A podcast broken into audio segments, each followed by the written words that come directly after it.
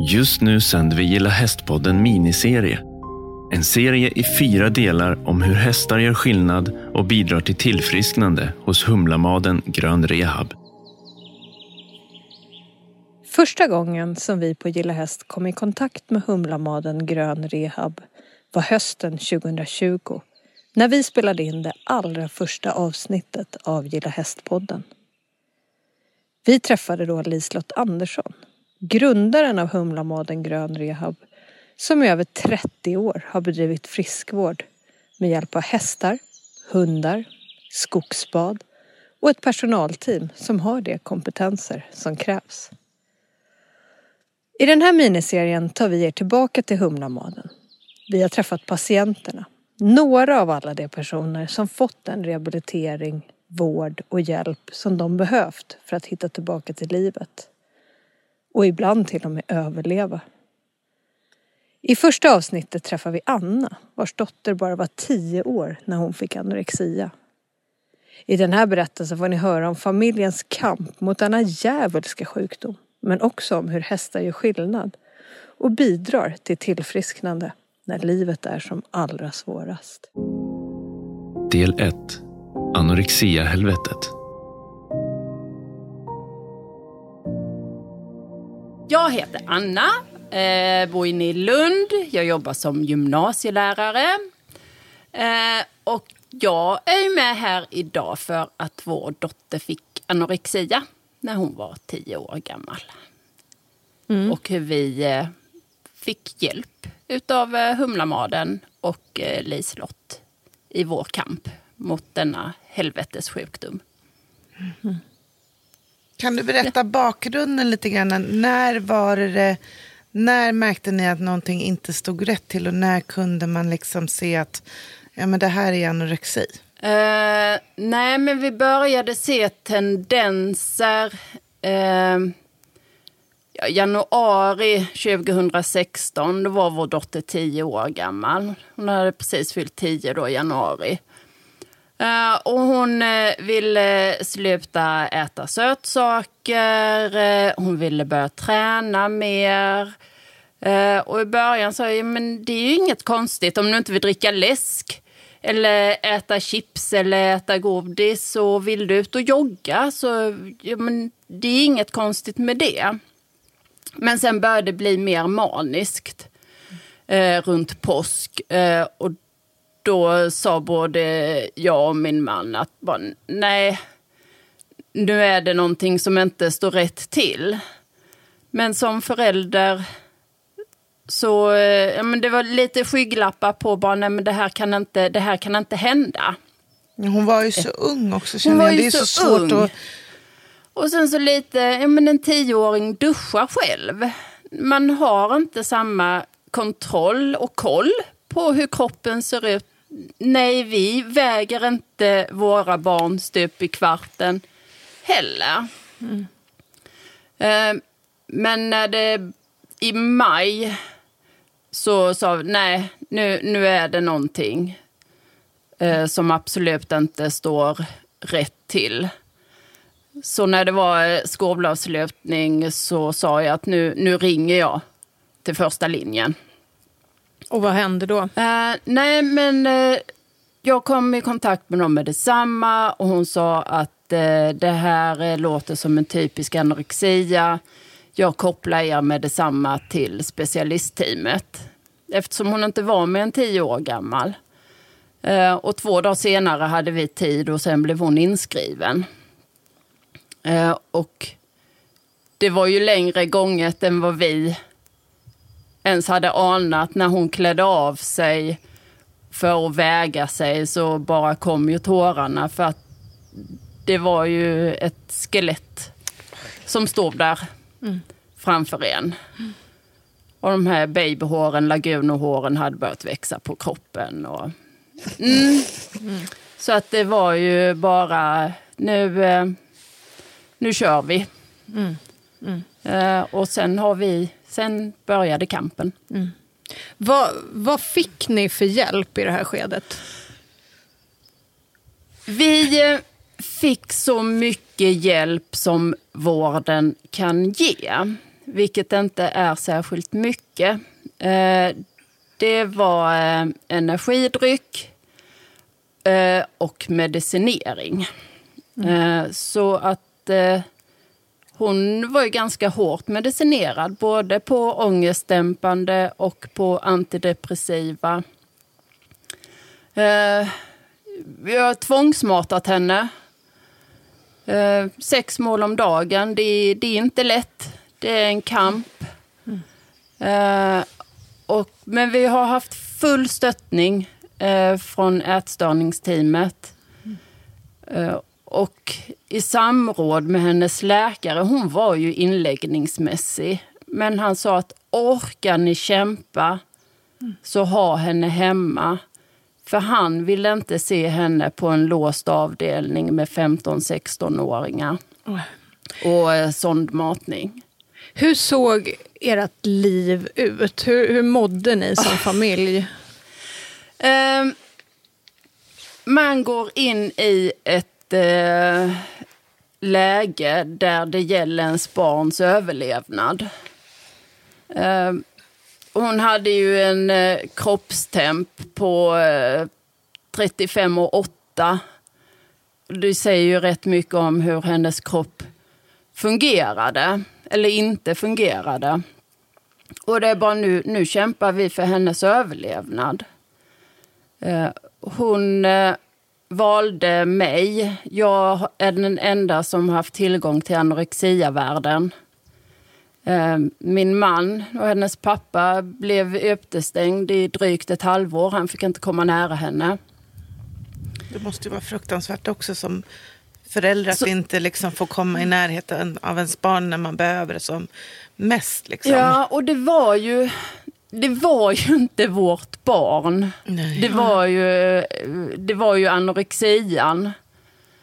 Ehm, och lite i det läget faktiskt inse att nej men just nu pratar jag om anorexian och just nu så pratar med, vi med vår dotter. Sen har vi ju två yngre syskon eh, som har behövt se det här. Jag vabbade ju på heltid i tre år. Ehm, och eh, ja, men jag matade henne i tio månader med sked. Så länge har man ju inte ens matat dem som, som bebisar. Och mata en 10, 11, 12-åring som faktiskt börjar bli ganska stark också trots den här sjukdomen.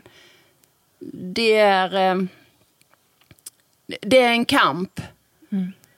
Eh, men eh, vi har, vi har hela tiden haft jättebra stöttning från ätstörningsteamet. Men som de sa, de har inte haft mer de har kunnat hjälpa oss med eh, i det läget. Och under ett tag så hade vi ju ja, men 10-15 strypincidenter om dagen när hon ville ta sitt liv. Och det pågick kanske fyra, fyra fem månader och då sa vi att nu, eh, nu, måste, nu måste vi ha en annan hjälp. Nu, nu orkar vi inte mer. Men vi sa vi är inte i läget att vi vill lägga in henne. Vad var den utlösande faktorn, tror du, till anorexin? Ja, men vi har spekulerat lite, som man gör. Eh, modern forskning säger att det kan ligga genetiskt. Eh, jag hade en ätstörningsproblematik när jag var i 24-25 års åldern. Eh, hon är lång för sin ålder, hon var längst i klassen. Eh, började komma in i en förpubertet som tioåring. Eh, ville se ut som de andra. Ehm, så att det, jag, jag vet inte, men det är många, många faktorer runt omkring. Hur kom ni i kontakt med Humlamaden? Nu sitter vi här eh, i en ligghall på Humlamaden. Vi har fågelkvitter, eh, vi sitter i gungor och tittar på hästar som går i hagar. En fantastisk miljö som du och din dotter hittade till. Kan du berätta om det? Jag kände ju Liselott sen tidigare. Eh, jag hade en elev som var här från byn för ja, 20 år sedan som var hemmasittare. Och då kom jag i kontakt med Liselott. Och så hur mycket hon kunde göra för den här tjejen som då var 17 år gammal. Eh, senare hade jag en elev eh, med en anorexia eh, som eh, också var här ute hos Liselott. Eh, och så eh, vad gott det gjorde. Så att eh, jag sa till min man att nu, eh, nu ringer jag till Liselott. Och det gjorde jag. Och sen kom vi hit. Hade din dotter varit här tidigare? Nej, hon hade aldrig varit här tidigare. Hästar har ju funnits i, i våra liv, alltid. Eh, Då jobbade jag ute på Flyinge och vi eh, alla red, utom min man. Ja. Vad var hennes reaktion när, när du föreslog det här, din dotter, att, att, eh, och när ni kom hit? Nej, men hon vill ju inte hit. Nej. Det är inte så att hon har skrikit av lycka när hon har kommit hit. Eh, Och hon pratar fortfarande inte om det. Men vi märkte ju efter några gånger att då kunde vi minska medicineringen. Vi kunde halvera medicineringen efter två gånger här ute. Eh, hon blev lugnare. Och det som jag tycker är jätteviktigt att poängtera det är att man kommer inte hit för att rida. Eh, det här är terapi. Så att hon och Liselott har varit, gått runt här i skogen och de har eh, tittat och luktat. Eh. Jag vet att de har pratat mycket om hur viktigt det är med mat för hästarna. Ehm, de har haft någonting att ja, men de här gamla löven, de trampar vi ner. Och det är ungefär som nu trampar vi ner de dumma tankarna, nu ska de försvinna. Mm. Så att det är, det är ett lugn. Och som du sa innan, det är fågelkvitter. Eh, när man kan ligga på hästryggen, man hör hur de tuggar sitt hö. Och bara få en massa må bra. Mm. För du, du berättade lite där att de gick i skogen och ligga på hästryggen och så. Men kan du berätta lite mer eh, ingående? Hur såg eh, det här behandlingsprogrammet ut? Hur lång tid var det? Vad var det som ingick? Eh, Eh, nu får vi punktera också att detta är ju någonting som vi har fått bekosta själva. Det är ju ingenting som vi har fått eh, någon som helst kompensering för någonstans. I hela specialistteamet har ju supportat oss hela tiden och sett hur gott det här har gjort. Fast de kan inte göra någonting för att det är ju högre upp i hierarkin som det bestäms vilka som får pengarna. Ehm, men vi gick här eh, ett och ett halvt års tid. Eh, I början var det mycket tätare, då var det en till två gånger i veckan. Och sen har vi glesat upp det. Sen har hon själv bett dem att få komma hit och bara, ja, men jag känner att jag behöver till Liselott nu. Och då har vi fixat det. Ehm, Sen vet jag inte vad det är för magiskt. Jo, men det är ju magiskt med hästar. Det är magiskt att få vara i ett stall. Att få känna det här från hästen, att man är älskad, vem man än är. Och det spelar ingen roll om man har anorexia eller om man är utbränd eller bara vill komma och gussa. För alla är älskade. Eh, och det här hjälpte ju vår dotter. Sen säger jag inte att det hjälper, hjälper alla. Men för vår dotter så hjälpte det. Och det var det här som hjälpte henne att bli frisk. När såg ni att det vände? När kunde du se en litet, litet ljus i allt totalt mörker som det I måste allt ha varit? mörker. Ja. Nej, men efter... Eh, ja, men efter en månad... Vi, pratar inte om någon sjukdomsinsikt. Inte alls. Eh, men vi fick en eh, lugnare tjej där hemma. Det var fortfarande jättejobbigt med mat. Eh, men ett annat lugn. Eh, och sen tar det ju lång tid att komma tillbaka över en anorexi. Eh, så ett tag mådde hon ganska så bra. Och sen så fick hon en dipp. Och då sa hon själv att eh, nu måste jag till Liselott. För att då var vi på väg att eh, lägga in henne. Eh, och efter två gånger här så eh, bestämde hon sig att nej, nu, nu är jag trött på det här. Och det låter jät, jättekonstigt, men, men så fungerar den här jättekonstiga sjukdomen. Att Den drabbade måste själv komma till insikt att nu, nu räcker det. Hur gammal är din dotter idag? Idag är hon 15. Och hur mår hon idag? Eh, hon mår bra. Hon är som vilken annan 15-åring som helst. Rider hon? Hon rider, ja det gör hon. Hon rider uppe på LCR och hon är här ute och rider emellanåt. Jag måste bara få ställa en fråga. Just det där, vi pratar mycket om hur hon mådde och hur, hur mådde du och hur mådde ni som familj? För jag kan ju tänka mig att det är ju en enorm påfrestning och även då som du säger man har två mindre barn eller syskon i det här. Hur, vad fick du hjälp med? Nej men jag fick ju ingen hjälp.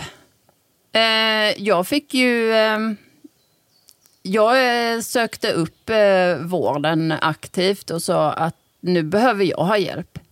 När hon började bli bättre så sa jag att nu, nu måste jag ha hjälp, nu måste jag få terapi. Ehm, så att då fick jag tio gånger. Ja. Nej, men jag tror det är och sen har jag fått, eh, sen har jag fått betala själv också. Eh, en hel del för att fortsätta.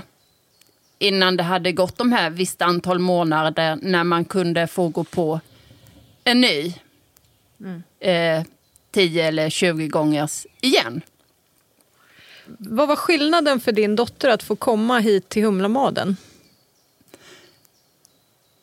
Ja, nu kan man ju bara spekulera, men jag är inte så säker på att hon hade varit så frisk som hon är idag.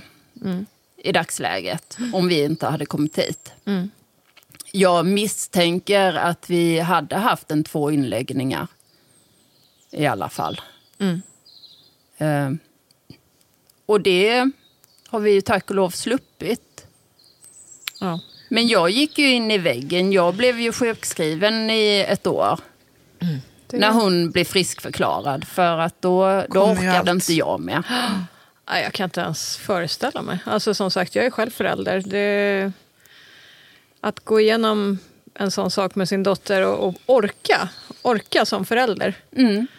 Men sen tänker jag också just det där att liksom, ingen är ju rustad. Det är inte så att du säger, åh, här kommer anorexian, då ska vi läsa på lite här.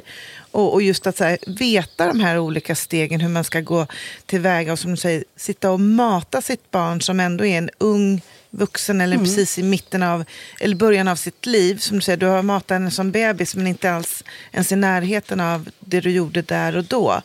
Och sen också tvingas, om jag sätter upp situationstecken, så bara tvingas medicinera sitt barn kan ju inte heller kännas som en rätt lösning. Nej. Men Nej. vad gör man? Och det har ju varit under tvång. Ja, Jag har ju tvångsmatat jag har ju suttit och matat henne på toaletten emellanåt för att hon måste få i sig näring. Och det har ju, varit, men det har ju drabbat hela familjen. Vi har ju faktiskt haft ambulansen som har varit och hämtat henne. Hon har ju gått igenom tre psykoser. Så under en psykos så kom ju ambulansen för då, då visste vi inte hur vi skulle hantera det. men det går inte ens att... Nej, eh, Nej, det- men man kan, man kan inte föreställa sig det för att det är, men det är så bisarrt Att man tror inte att det existerar. Nej. Men det gör det. Och sen måste ändå livet pågå. Alltså du som, du som du sa, att du måste vara stark inför henne. Ni måste hålla ihop som fam- familj och man måste ta hand om sina syskon. Och ändå i det här så har man väl bara lust att skrika. Och som säger man, hur länge orkar man driva process? Nej, men jag har skrikit. Jag har varit ute med hunden och skrikit och eh, gråtit. Och vi har ju aldrig varit tysta om det, utan vi har berättat det för alla. Och det har hjälpt oss. Eh, och sen så har vi inte begärt att folk ska förstå. För jag tror inte man förstår förrän man har gått igenom något sånt här trauma. Vi är otroligt tacksamma att ni vill dela med er i våran podd också. Jag tror att det är många som kan få tröst och stöd och hjälp och kanske lite insikt också. Men jag skulle vilja gå tillbaka lite till eh, tiden här på Humlamaden. Har du någon sån här ögonblicksbild eller någon historia från ett besök här där du kände att wow, nu händer det någonting? Ja, eh, de, eh, Liselott och vår dotter de var ute och red tillsammans. Eh, och eh, den ena hästen tyckte det var så kul och började galoppera och vår dotter var inte riktigt beredd och Robin såg bara åh det är något gott gräs, där ska vi äta lite. så hon flög ju av, hon har flugit av hästar tidigare så att det var ju ingen fara. Men då kom hon skrattande tillbaka. Eh, och där såg man glädjen. Eh, för den vi inte på många, många år. Men det var den glädje och hon flittrade och hon berättade om det i bilen hem. För det var ju lite tvång att få hit henne också. Det var inte alltid hon satte på sig eh, några stallkläder eller någonting. Utan det var bara nu, nu ska vi. Nu måste du. Jag har lyft henne ut i bilen emellanåt för att hon skulle hit. Ja, men det som vi ställer oss frågan lite i den här podden är också varför finns det inte fler Humlamaden, tror du? Finns det ett behov av den här typen av ställen och hur, hur kan vi få fler att fatta galoppen här? Det behövs jättemånga Humlamaden. Ehm, jag tänker bara, jag ser ju bland mina elever, eftersom jag själv är lärare, att den psykiska ohälsan har ju absolut inte minskat eh, under corona. Eh, vi lever i sånt inrutat liv och det är så mycket prestation hela, hela, hela tiden. Eh, att det, be- det här behövs verkligen och verkligen satsa på de unga som faktiskt är vår framtid. Att hitta ett lugn. Eh, jag tror det är en eh, ja, men, stor okunskap. Man ser inte hur viktigt det är med hästen eller hunden eh, i eh, att må bra. Och att faktiskt komma ut till en lugn, trygg miljö. Och bara få tanka energi. Om du hade en kommunpolitiker framför dig nu, om jag vore den. Vad skulle du vilja säga till den personen just om och kring eh, den här formen av vård? Eller tankar om och kring det hela? Eller det som du har gått igenom i din process, som du sa, att alltifrån man har fått betala det själv till din egen hjälp som du var tvungen att få, få hjälp med. att faktiskt titta på alla resultat. I Sverige är vi så fokuserade på evidens. Men titta utomlands, det, det här är inget hokus pokus. Eh, sen finns det ju många lyckosökare inom den här branschen också. Men Humlamaden är inga lyckosökare. Här är kvalificerad, utbildad personal. Eh, det är inte ridterapi, det är hästunderstödd terapi. Eh, där det finns jättemycket kunskap. Och framförallt det är utbildade hästar, det är utbildad personal. Det är inget, eh, det är inget hokus pokus här ute eller något hittepå utan det här är faktiskt på riktigt. Och det är mycket, mycket billigare i det långa loppet. Så ett inläggningsdygn på den låsta avdelningen kostar 10 000. Ja. Mycket bra slutord där från dig, Anna. Tusen tack för att du ville vara med och berätta din historia i Gilla Hästpodden. Eh, Känner du Malin? Nej, jag tycker bara att jag blev så ledsen bara när jag hörde det. Så, ja, jag blev väldigt... Jag så ont i hjärtat för jag kan inte förstå hur så små barn ska tvingas gå igenom sånt. Nej, det är Det är inte ett, klokt. Nej, och just det att vi har varit så hjälplösa och vi har, nej men läkare och allting, alla har ju, Det är Alla har varit känna på sig så vår ensamma också. ja. Att du orkar, för fan. Gilla hästpodden ryms i satsningen med samma namn som drivs av hästnäringens nationella stiftelse, HNS. Läs mer på gillahäst.se och följ oss gärna i sociala kanaler.